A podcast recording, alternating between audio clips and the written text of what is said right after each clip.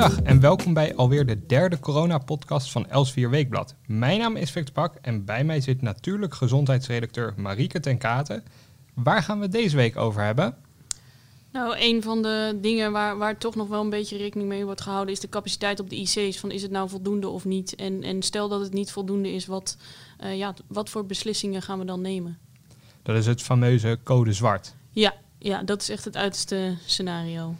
Dat klinkt uh, wel onheilspellend. Nou is gelukkig ook Bram Haan aangeschoven, kennis- en cultuurredacteur van Els4 Weekblad. Welkom. Dankjewel.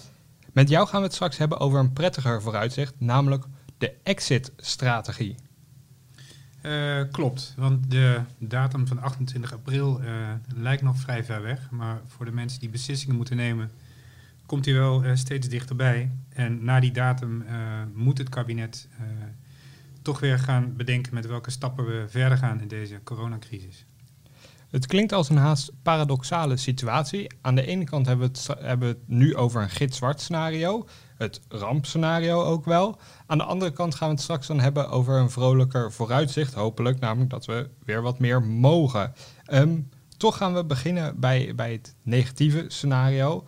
Um, de IC mag namelijk niet te vol raken, um, maar de roep om weer naar buiten te mogen, zoals we net beschreven, klinkt luider. Hoe kijk jij naar die, naar die balanceeract, Marika? Nou ja, het is, het is een balans waar volgens mij niemand uh, van weet wat, wat het juiste is om, om, om op dit moment te doen. Dus je hebt nog heel veel onzekerheden.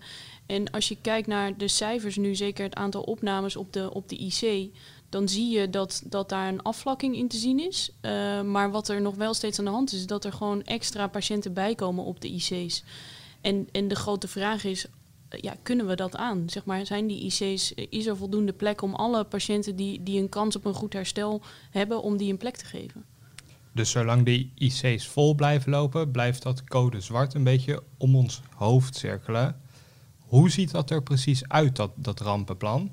Nou, er zijn ontzettend veel verschillende stappen in, in het rampenplan. En, en uh, ja, heel veel keuzes kunnen ge gemaakt worden op medische gronden. Dus je ziet ook wel dat de IC-vereniging uh, daarover na heeft gedacht. Van nou ja, stel dat, dat de capaciteit beperkter wordt, moeten we dan misschien de, de richtlijnen die we nu hebben wat aanscherpen. Dus dat je nou ja, toch bepaalde keuzes gaat maken. Uh, misschien zelfs op basis van leeftijd.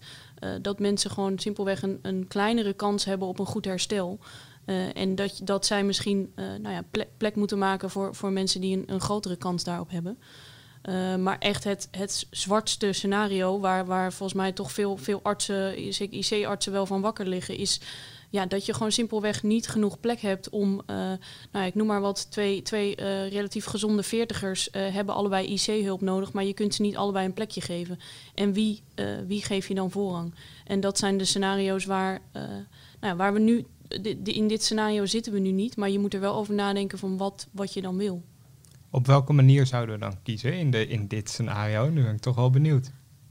Nou ja, dat is heel lastig. Dat is gewoon een afweging. Uh, Diederik Gommers, de voorzitter van die IC-vereniging, die zei dat ook. Van dat is iets waar de Nederlanders over na moeten denken en waar we met z'n allen een, een, discussie over moeten hebben. Uh, en ja, waar, waar de, in de politiek denk ik uh, duidelijkheid over moet komen. Want dit zijn niet beslissingen. Kijk, artsen kunnen heel goed beslissingen maken op basis van medische gronden en, en daar misschien ook wat strenger in worden. Uh, maar daar zit gewoon een grens aan. En, en ja, dan moet je die artsen helpen om, om uh, nou ja, ze een soort leidraad te geven om, om die keuzes te maken op basis van wat wij als samenleving willen. Ja, en politici die bemoeien zich daar ook wel flink mee. Um, laten we even luisteren naar minister van Volksgezondheid Hugo de Jonge en 50PLUS fractievoorzitter Henk Krol. Stel je nou eens voor dat er nog maar één bed is uh, en je hebt eigenlijk twee patiënten. He, dan, dan zal de keuze moeten worden gemaakt, en niet op leeftijd natuurlijk, maar op wie de beste overlevingskansen heeft. En toen ineens het bericht kwam, ja vanaf 70 loop je kans dat je niet meer geholpen gaat worden. Ja, dan moet je vaststellen dat er mensen van 70 zijn die nog kerngezond zijn, die nog een hele behoorlijke levensverwachting hebben. En je hebt mensen van 60 waar het ja. uh, al minder goed mee gaat. Politici hebben echt geen trek in zo'n leeftijdsgrens, maar voor artsen is dat wel iets wat in het uiterste geval misschien kan helpen. Ja, want het komt ook voor in het uh, pandemie-draaiboek van de IC-vereniging dat, je, nou, dat er een moment kan zijn dat je bijvoorbeeld 70-plussers niet meer uh, op de IC toelaat.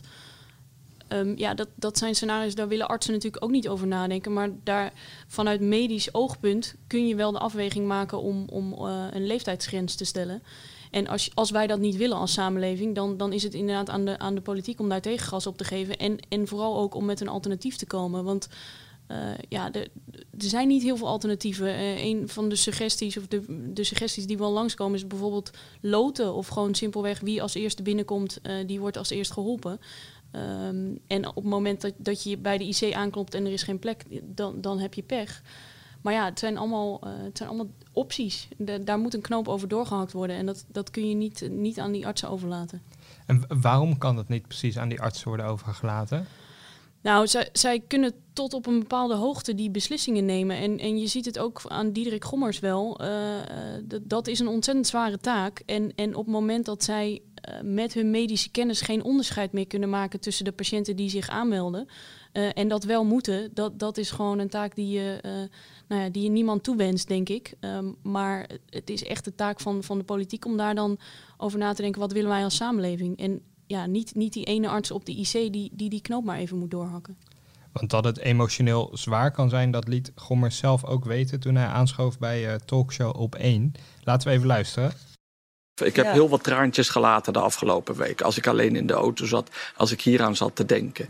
Maar dat wil niet zeggen dat we met elkaar deze, deze periode door moeten. En dat we ook met. Maar dat het wel van iedereen is, snap je? Je moet iedereen gehoord hebben. Je moet iedereen zijn stem en bijdrage geleverd hebben. omdat we het met elkaar doen. En dat wij als artsen dan een leidraad hebben zodat we die kunnen inzetten. Voor hem en waarschijnlijk veel andere medici is dit dus echt zwaar. Ik vind het wel vreemd aanvoelen om over dit scenario uh, na te moeten denken, zoals hij uh, Gommers onder meer vraagt aan de samenleving. Want de cijfers lijken wel positief te worden. De, toename neemt flink af. Ja, dat zijn natuurlijk de, cijfers van de laatste dagen zijn zeker hoopgevend. Maar dat zijn uh, de cijfers um, van de toestroom naar de ziekenhuizen en het, en het aantal geregistreerde gevallen. Um, maar dat wil natuurlijk nog niet zeggen dat het, dat het ergste leed op de IC's al uh, geleden is. Zoals Marike al zei, er is nog steeds uh, toestroom op de IC's. En het is nog steeds moeilijk te zeggen uh, wanneer mensen de IC kunnen verlaten. doordat ze hersteld zijn. Of in elk geval voldoende hersteld om van de IC af te kunnen of overleden. Dus die druk kan nog steeds toenemen. Um, bovendien is het, is het wel gek dat af en toe uit de berichtgeving um, dat we die als een soort geruststellende boodschap ontvangen dat het gelukt is om weer meer IC-plekken uh, te creëren. Um, dat biedt inderdaad wat, wat ruimte, maar het is natuurlijk nog steeds heel slecht nieuws dat zoveel mensen op de IC terechtkomen. Want zo fantastisch zijn de vooruitzichten natuurlijk helemaal niet als je daar belandt. We kunnen inderdaad ontzettend uitbreiden, maar uh, het, het zwartste scenario is gewoon nog niet van tafel. En, en uh, je kunt dat niet voor je uit blijven schuiven tot het moment dat we in dat zwartste scenario zitten. Want dan uh, zijn artsen die beslissingen al aan het nemen. Dus dit is wel het moment om over dat soort vragen na te denken. Of eigenlijk was, is dat moment al lang geweest, want je had hier misschien voor een pandemie al over na moeten denken. Um, maar dit moment voor je uit blijven schuiven, dat, dat helpt niet we kunnen het probleem niet zeg maar blijven afschuiven op het vergroten van IC-capaciteit in de hoop dat dat onze problemen en uh, moeilijke vraagstukken dan uh, oplost. Nee. nee, je ziet het duidelijk aan, aan uh, Gommers ook. Dat, dat nou ja, het doet wat met, met de IC-artsen. En hij, hij, nou, het is echt een roep van hem die je hoort om, om meer richtlijnen vanuit de samenleving over hoe wij over dit soort keuzes nadenken. Nou hebben we eerder naar twee politici geluisterd die zien niet in heel streng selecteren op bijvoorbeeld leeftijd. Is het realistisch om te hopen dat dat uit kan blijven? Nou ja, het is realistisch als je andere, uh, andere beslissingen neemt. Dus dan, uh, als je niet wil selecteren op leeftijd, dan moet je selecteren op. Uh, nou ja, ik noem maar even een fictief voorbeeld. de hoeveelheid kinderen die iemand heeft. Als jij twee kinderen hebt, dan, dan heb je voorrang op iemand die geen kinderen heeft, om, om maar wat te noemen. Dus je kunt zeggen, we gaan het niet op leeftijd doen, maar je moet wel een alternatief hebben dan. Duidelijk. Het is een zeer ingewikkeld vraagstuk waar we uh, nog lang niet uit zijn. Uh, ik ben benieuwd wat de politiek er uiteindelijk van gaat vinden en welke, met welke richtlijnen zij komen. Um, als ik naar mezelf kijk, dan zie ik dit echt als een noodscenario dat hopelijk niet nodig is. En stiekem komt bij mij soms alweer de gedachte op, als ik het, het lekkere lenteweer zo zie, ehm, kan ik misschien straks, na 28 april, alweer op een terrasje zitten? Of ben ik dan veel te optimistisch, Bram? Ehm, het, is moeilijk te voorspellen, maar ik, ik, vrees dat de kans dat je te optimistisch bent erg groot is. Uh, tenzij dat terrasje in je eigen achtertuin uh, staat. Uh, de situatie lijkt nu nog niet zo te zijn dat, dat we na 28 april de boel helemaal open kunnen gooien. Um, en er is een terras is nou net iets wat misschien wel tot de eerste dingen zou kunnen behoren die voorzichtig wel weer kunnen. Het is, het is in de buitenlucht en je hebt op een terras de mogelijkheid om stoelen verder uit elkaar te zetten. Um, dus je, je kan er voorzichtig over gaan nadenken, maar het lijkt me nog te vroeg om daar uh, echt van uit te gaan. In het paasnummer van Els 4 Weekblad heb jij een groot verhaal geschreven over hoe we uit deze intelligente lockdown kunnen komen. Maar als ik dit zo hoor, gaat niet in één keer het hek van de dam. Nou, dat lijkt me zeer uh, onrealistisch om dat uh, te verwachten. Um, ik heb inderdaad wat scenario's uh, naast elkaar gezet waar nu over wordt nagedacht, ook in Nederland. en die in sommige andere landen overzichtig worden toegepast. Nederland heeft natuurlijk het, het wrange geluk dat we kunnen kijken naar landen die, die maanden of weken op ons voorliggen. Zoals China, Zuid-Korea, maar ook Italië. Um, en we kunnen, uh, hoewel de situatie niet één op één te vergelijken is met die landen, kun je daar natuurlijk wel van leren, van wat ze daar nu aan het uh, doen zijn. Um, maar in bijna alle landen gaat het in elk geval stapsgewijs en heel voorzichtig. Een van de stappen waar veel mensen waarschijnlijk die nu aan het thuiswerken zijn, uh, met kinderen bij zich naar uitkijken, is: gaan de scholen dit jaar nog open? Hoe, hoe is dat onderdeel van een scenario? Ja, dat is zeker onderdeel van een, van een denkbaar scenario. Um, het RIVM en het kabinet stonden destijds al niet enorm te springen om uh, zeker de basisscholen te sluiten. Uh, omdat ze niet verwachten dat dat heel veel uh, nut zou hebben op de, voor de verspreiding van het virus, of om die tegen te gaan. Um, uit, uit, ook uit recente onderzoeken is, is, blijkt nog steeds dat daar niet zo heel veel positief effect van te verwachten valt van het sluiten van de scholen. Um, dus dat, dat zou een van de eerste stappen uh, kunnen zijn waar je aan kan denken. Dat in elk geval de basisscholen, dus de, de, de, de jongste mensen in de samenleving, waar het risico op uh, ernstige gevolgen van het coronavirus klein zijn, dat je die toch weer openstelt. En we krijgen een interessant uh, voorbeeld uh, aangereikt uit Denemarken, waar men uh, blijkbaar van plan is om na Pasen inderdaad die basisscholen weer te openen. Dus we kunnen het afkijken. Dus heel voorzichtig kunnen, we, kunnen de kinderen in groep 8 toch hopen op een eindejaarsmusical als het erin zit. Um, als we een leeftijdsgroep hoger kijken naar jongeren, mensen van 18 tot 25 jaar, blijkt dat de eenzaamheid daar in die, in die groep groter is dan bij ouderen in, in deze coronacrisis, omdat zij meer sociale contacten bijvoorbeeld verliezen.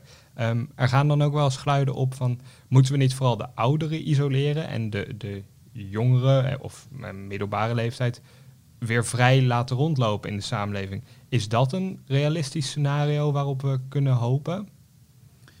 Um, nou ik vind, het, ik vind het lastig om aan te geven wat een realistisch scenario is. Ik vind gewoon dat je naar alle mogelijke scenario's moet kijken en ze uh, met goede onderbouwing tegen elkaar moet uh, afwegen. Um, overigens is het volgens mij ook zo dat we de oudste leeftijdsgroepen nu het meest isoleren. Uh, voor tieners en jongvolwassenen zijn er eigenlijk relatief veel mogelijkheden om zich nog te bewegen en met een paar vrienden of vriendinnen toch af te spreken. Uh, dus ze hebben eigenlijk meer bewegingsvrijheid dan, uh, dan ouderen op dit moment. Uh, en ik, ja, ik, ik, durf niet te voorspellen dat daar op korte termijn eh, veel verandering in gaat komen. Want de ouderen in bijvoorbeeld verpleeghuizen die hebben veel meer restricties die nu opgelegd zijn aan hen. Ja, die, die opgelegd zijn. Natuurlijk in veel verpleeghuizen is, is de deur gewoon dicht. Daar komt niemand binnen. En zelfs voordat die deur dicht was, waren mensen zelf al zo verstandig om hun uh, oude ouders niet te gaan opzoeken, omdat het risico gewoon te groot is in iedere toekomstschets, waarvan we eigenlijk dus niet, niet direct weten uh, wat realistisch is en wat niet. We moeten goed kijken naar hoe, hoe we ze kunnen onderbouwen. Ehm, dan is één ding toch heel belangrijk en dat is te weten te komen hoe het virus zich verspreidt in de samenleving. Wie is wel geïnfecteerd en wie niet. Marieke, wij hebben het al eens over uh, de testcapaciteit in Nederland gehad. Ehm, en daar weet ik nog één ding van. En dat is dat we een heel groot tekort hadden. Hoe zit het daar nu dan mee? Nou, het is enorm uitgebreid inmiddels. Um, maar het is uh, absoluut nog niet zo dat we, uh, dat we heel Nederland kunnen testen. Maar wat je wel ziet is dat, je, nou, dat we meer in staat zijn om zorgverleners bijvoorbeeld uh, te controleren. Dus, dus zorgverleners die verkouden zijn, daar kan je kijken of het corona is of, of het een gewone verkoudheid is. Dus dat kan bijvoorbeeld voor, voor een verpleeghuis heel belangrijk zijn om te zien of, of de zorgverleners daar allemaal gezond en wel in dat afgesloten verpleeghuis komen. Um, maar je, ja, op het moment dat je maatregelen wil versoepelen, uh, wil je wel redelijk goed in beeld hebben wat er nou precies gaande is in de samenleving. Uh, of, of het virus, hoe het virus zich verspreidt en ook verspreid heeft. Want ook over de immuniteit weten we nog relatief weinig. En daar zijn ontzettend veel onderzoeken naar gaande nu. Dus, dus heel veel tests worden daar wel gedaan. maar die zijn wel echt nodig om, om te weten wat er nou nou ja, wat er allemaal wel en niet zou kunnen in de toekomst.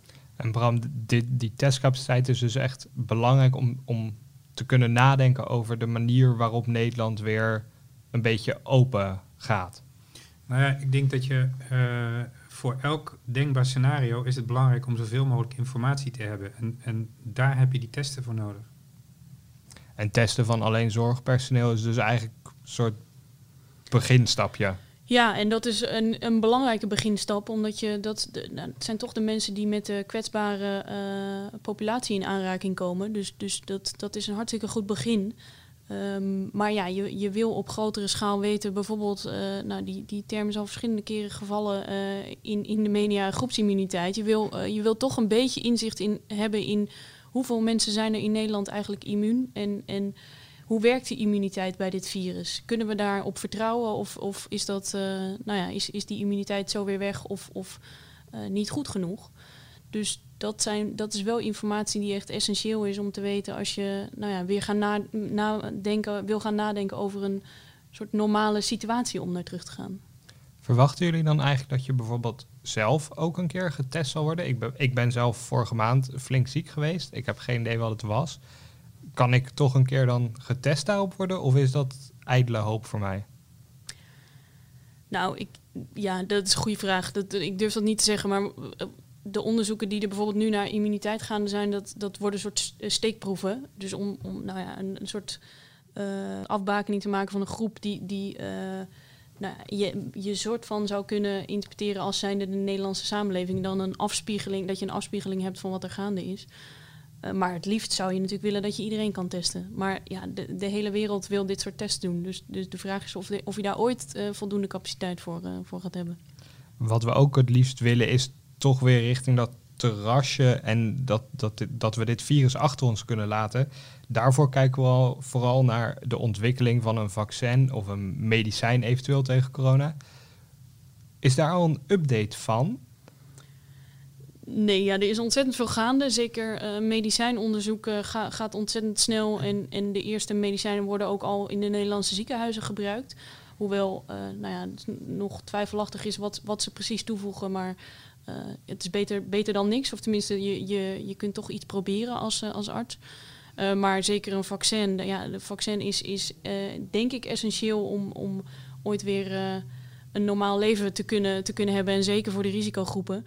En zo'n vaccin, dat, daar zit gewoon een hele lange uh, tijd aan vast om dat te maken. En dat, is, dat heeft verschillende redenen. Maar ja, de, de experts zeggen ook een jaar, anderhalf jaar. Dat is nog eigenlijk heel optimistisch om te denken dat je dan een vaccin op, op grote schaal kunt hebben. Het is dus nog echt even volhouden.